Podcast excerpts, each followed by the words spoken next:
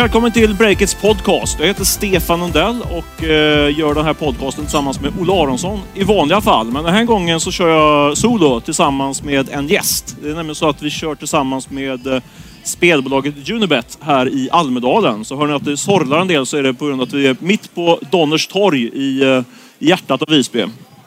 Eh, och vi gör en intervjuserie här i, eh, i Visby, Almedalen tillsammans med, med eh, Unibet som vi har kallat för Digitala tänkare. Och tanken bakom det är att vi ska på, ett, sätt- på, lite, på något sätt ta rygg på eh, några av Sveriges eh, mest framgångsrika digitala entreprenörer. Eh, och eh, höra dels deras entreprenörsstory men också lite grann om vad de tror om, om framtiden helt enkelt. För, eh, hur, och, och hur digitaliseringen kan påverka det svenska näringslivet framför allt. Och hur alla vi som sitter här kan bli vinnare och ni som lyssnar ute i stugorna. Och eh, gäst här med mig nu är Jessica Nilsson, investeringsansvarig på riskkapitalbolaget Northzone. Välkommen Jessica! Tack så mycket. Jättekul att vara här. Verkligen kul att du kunde komma loss till denna eh, ö. Är det Rosornas ö heter det här, tror jag.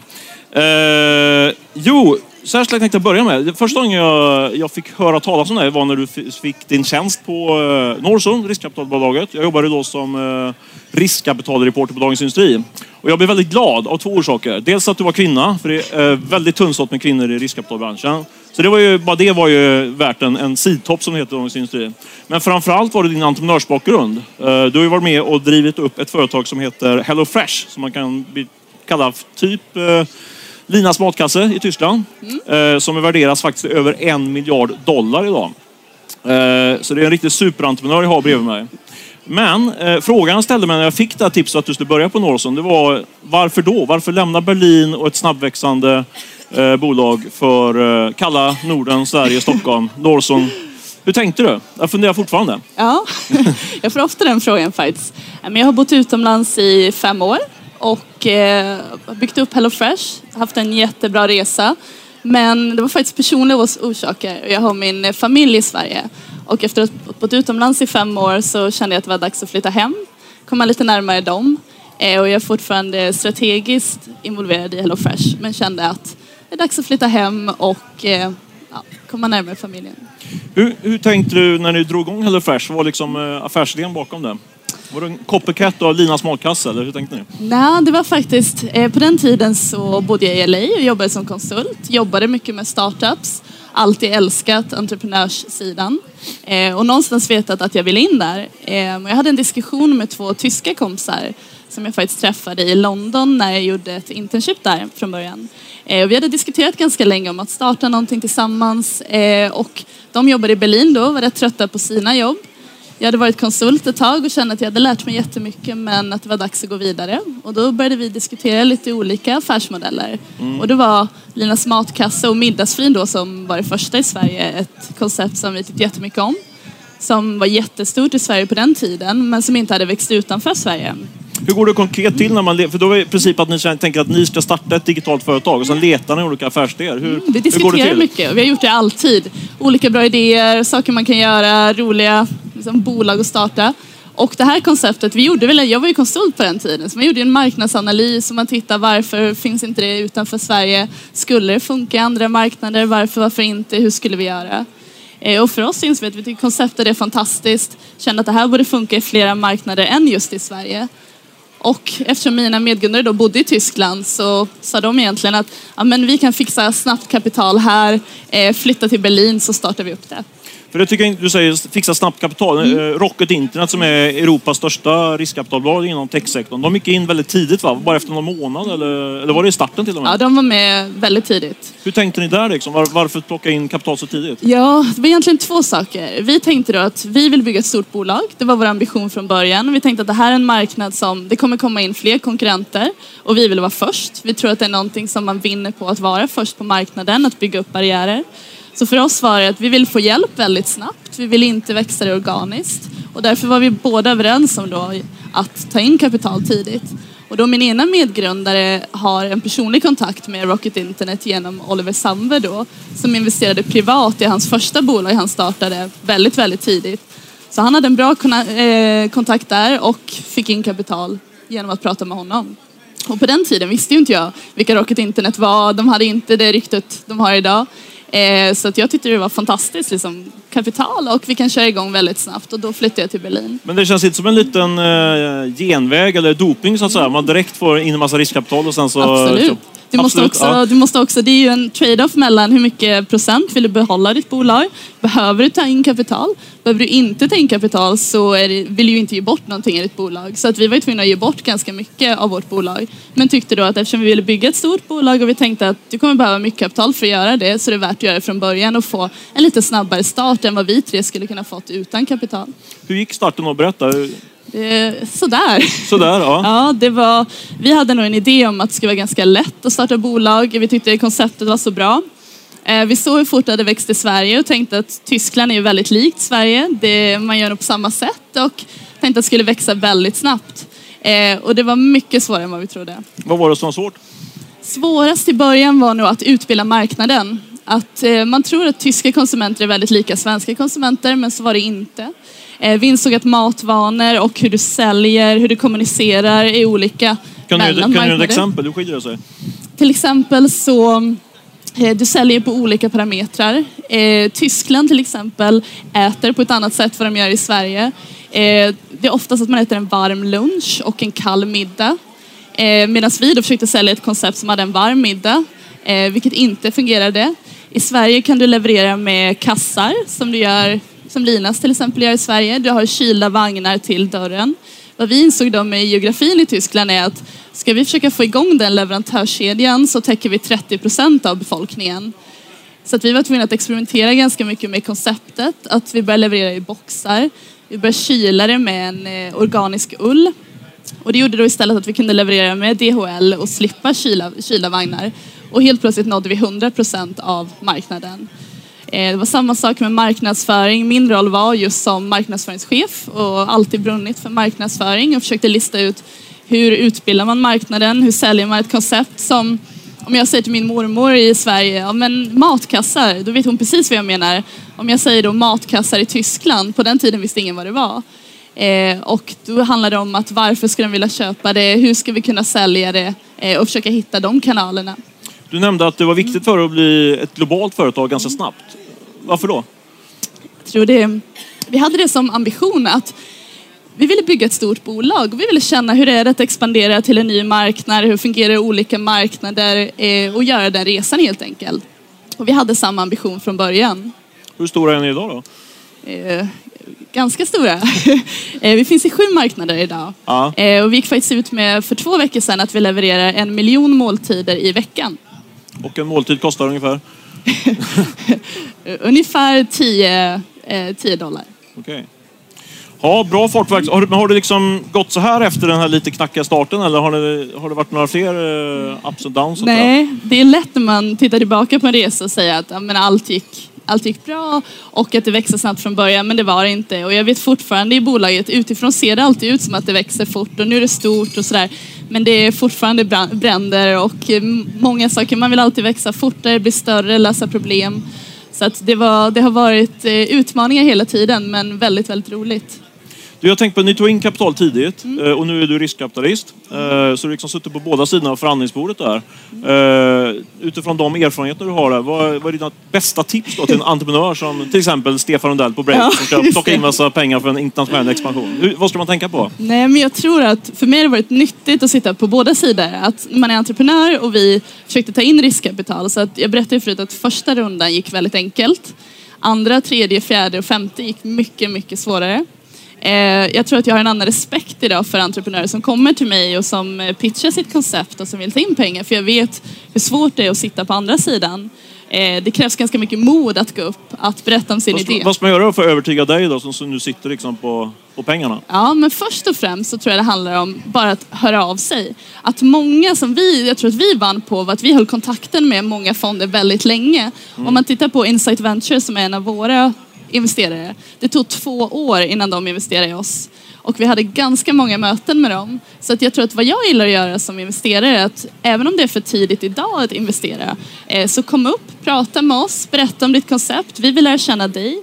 På Nordson är det ganska viktigt just med relationen med entreprenörer. Jag måste bara, hur får man kontakt med För jag vet ju, nu är jag ju journalist, nu råkar jag ha ditt mobilnummer. Men jag har Ja. faktiskt noterat det på Norrsons hemsida. Det finns inga kontaktuppgifter, men det är en infoadress. Liksom. Hur, Nej, hur det gör stämmer man inte. liksom? Jag kan säga på vår hemsida så kan ni hitta min e-mailadress. Mitt Ja. eh, telefonnummer är publikt. Okej, jag är Eh, dålig, LinkedIn. dålig researcher. Väldigt lätt. Kom och prata med mig här. Eh, Ja. Det, vi försöker vara på, vara liksom, där entreprenörer är.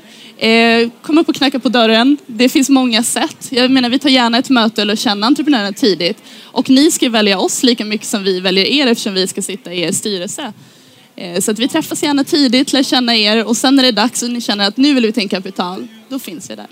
Norson och, eh, och Creandum har ju varit, länge, väldigt länge varit väldigt ensam på den nordiska marknaden. Men nu poppar upp eh, massa olika fonder. Sådär. Känner ni av det? Att, liksom, att ni får, eh, får kämpa lite mer för att få de där eh, superentreprenörerna som kommer till er? Eller hur känns det? Ja, absolut. Jag menar, jag tror att många glömmer bort att det är vi som sitter på pengen och tror att det är bara vi som väljer entreprenörer. Men duktiga entreprenörer väljer även sina investerare. Och du måste ju ha någonting att bidra med. Jag menar, kapital är ganska lätt att få idag. Du måste ju också känna Är det att? Lätt att få kapital då? än vad det var tidigare, absolut. Ja. Eh, och du måste också känna att du får ut någonting av att ha den personen i styrelsen. Det kan vara kontakter, att öppna upp ett nätverk i andra länder, en portfölj som är väldigt duktiga bolag där du kan få hjälp och så vidare. Så att jag känner absolut att det finns fler investerare, det är mycket internationellt kapital som kommer till Stockholm. Så att du måste ju känna att du kan ge någonting tillbaka till bolaget också. Men vad är din, eh, din syn på, på det som eh, vi på Breakit brukar prata om, eh, techbubblan? Jag brukar Ja. ta oss själva som exempel. Det största bubbelvarningen är att vi själva fick riskkapital till, till, till vår techsajt. Eh, Men hur ser du på det? Liksom, Mm. Om du skulle dela... Ja, vad, vad är din take som det heter Mm. på finanssvenska? Och det är mycket diskussion kring det. Vi ser ju att värderingarna ökar särskilt efter serie, Series D-rundan. Ursäkta, uppåt. serie? Serie D kallar vi Ja. det för, så egentligen fjärde rundan, i- egentligen i- tillväxtkapital. Ja. Eh, Mycket det beror också på att vi ser att många av de större PE-fonderna går neråt i, i faser. Du säger att får, man får betala mer pengar för att komma in i den senare fasen. Precis. Hur mycket? Eh. är det, liksom, är det 25 procent dyrare nu jämfört med för ett par år Svårt sedan? att säga. Men vi har sett en... Det är helt omöjligt att säga, men kom igen, ett estimat. Nej, Jag kan, inte, jag kan inte säga det är olika i olika sektorer. Ja. Eh, Men vad vi gör är att du får vara no- noga med värderingen, känna att bolaget är värt de pengarna. Men också tittar du mer generellt sett med den här bubbeldiskussionen så jämför vi med förra tiden det var en bubbla, alltså 2000-talet. Om du tittar på vilken penetration det finns av internet idag, du tittar på vilken lönsamhet det finns i bolag och vilken chans det egentligen finns att få in pengar av on- online så är det en helt annan situation idag än vad det var då. Mm. Så vi ser ju fortfarande otroligt duktiga bolag och med jättestor potential som vi går in i. Så att jag men tror att det kan... innebär det att i och med att det är dyrare längre, alltså senare skede, söker ni lite längre i tidigare skeden då? Eller Vi, vi går in någonstans egentligen från sådd, som vi definierar under 10 miljoner svenska kronor, Mm. upp till, vi kan investera upp till 200 miljoner svenska kronor i ett bolag. Mm. Så vi går egentligen med liksom, från tidigt skede upp till eh, tillväxtkapital. Men Var det- vi är inte högre upp än det. Var det ett undantag att ni gick med i sista rundan med Spotify nu för ett par veckor sedan? Vi är, följt, vi är faktiskt den första och den största investeraren i Spotify och sitter fortfarande med i styrelsen. Ja. Så vi har följt den från egentligen när det var en affärsplan på ett papper och framöver. Så Spotify är ett av våra allra bästa bolag. Så där kommer ni vara fram till eh, noteringen eller? Så länge vi kan kommer vi vara med. Okej. Du, eh, en generell fråga som skulle vara intressant att höra resonera om. Du har ju varit riskkapitalist, eller varit entreprenör och nu riskkapitalist. Liksom, vad, är, vad är de stora skillnaderna skulle du säga, vad, i de två olika rollerna? Ja, men jag ska säga entreprenörer är de som gör allt jobb egentligen. Ja, skönt. Nej, det är, jag ska säga att entreprenör är väldigt, det är en emotionell berg och dalbana. Tycker det är otroligt roligt att, vad som driver mig egentligen är att bygga upp ett bolag. Den första resan, att liksom, det är ditt eget bolag, det är någonting som du har så varmt om hjärtat och du brinner för det. Så att det du kan jobba ihjäl dig och det är det roligaste du vet, men det är väldigt emotionellt. Eh, som riskkapitalist så måste du ta ett steg tillbaka. Och du ska egentligen sitta med i styrelsen, du ska hjälpa dina bolag men det är inte alls lika operativt. Du är inte med och gräver i detaljer längre utan du ska hjälpa till egentligen från ett, ett övre perspektiv. Tråkigare? Eller? Vad som är roligt att vara riskkapitalist är istället, istället för att fokusera på ett bolag så får du träffa kanske 20 bolag i veckan. Du träffar entreprenörer som är helt fantastiska, gör saker du aldrig skulle kunna göra själv och du får vara med och hjälpa till på ett annat sätt. Du, du sitter i styrelsen för Fyndik, marknadsplats för e-handlare eller eh, vad min kollega brukar kalla det för uh, Galne Gun... Ja, vad är det nu? Ullared. Online. Ullared, Ullared online är det. Tycker jag är en bra eh, beskrivning. Jag tänker, i och med, i och med det styrelsemedlemskapet och även att du är engagerad i andra portföljbolag. Alltså, E-handelsmarknaden har ju du bäst koll, en bland de bästa i Sverige skulle jag säga. På e-handelsmarknaden. Vad skulle du säga liksom, är de viktiga trenderna nu? Vad är det du tittar, ser liksom, eh, håller på att hända där? Eh, Egentligen vad vi ser driver innovation i e-handel är just data. Ökad data, smartare användning av data, mobil. Vi ser ett Vad betyder data? Data, data? det är egentligen all info du har. Eh, Det kan handla om vem är din kund, hur gamla är de, vart bor de, när köper de, hur ska du marknadsföra till dem. Det handlar om att göra, egentligen använda den datan och göra e-handel smartare. Att eh, vi ser en tydlig individualisering. Att tidigare var e-handel allting för alla. Nu är det egentligen, vad vill just du ha och hur ska vi marknadsföra det till dig och vad passar dig som kund? Sen ser vi även ett skifte i mobil där vi ser att många av våra portföljbolag har, vi har just sett det skiftet där man går från att egentligen desktop har varit det som har dominerat och nu vinner mobilen 50-60 procent av trafiken. I ett portföljbolag är vi upp till 70 procent och det handlar om att vara bäst på mobilen.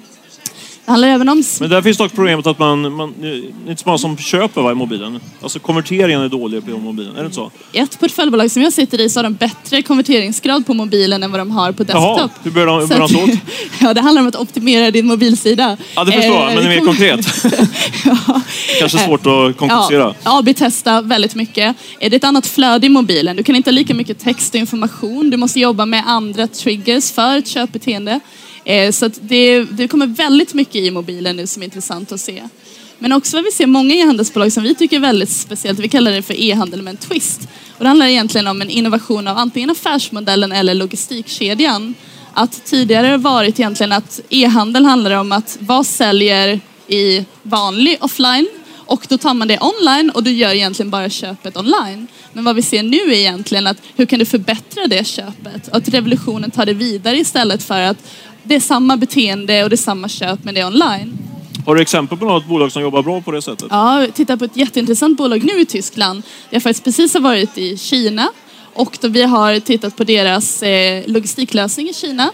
Och vad de gör då, det är att de jobbar med eh, kinesiska leverantörer och de jobbar med egentligen hela processen från att skicka det från Kina till eh, Tyskland, där det här bolaget är. Och vad man ser då är att de specialiserar sig på dropshipping för att få en så effektiv logistiklösning som möjligt. Medan de ger då den här eh, egentligen all kundservice och all eh, returprocess, om du vill ringa och prata med någon, är lokalt. Så de har en väldigt lokal upplevelse medan en väldigt intressant logistiklösning. Och vad vi ser då när vi jämför det är att det här bolaget skickar sina varor snabbare från Kina till Italien än vad de gör från Tyskland till Italien.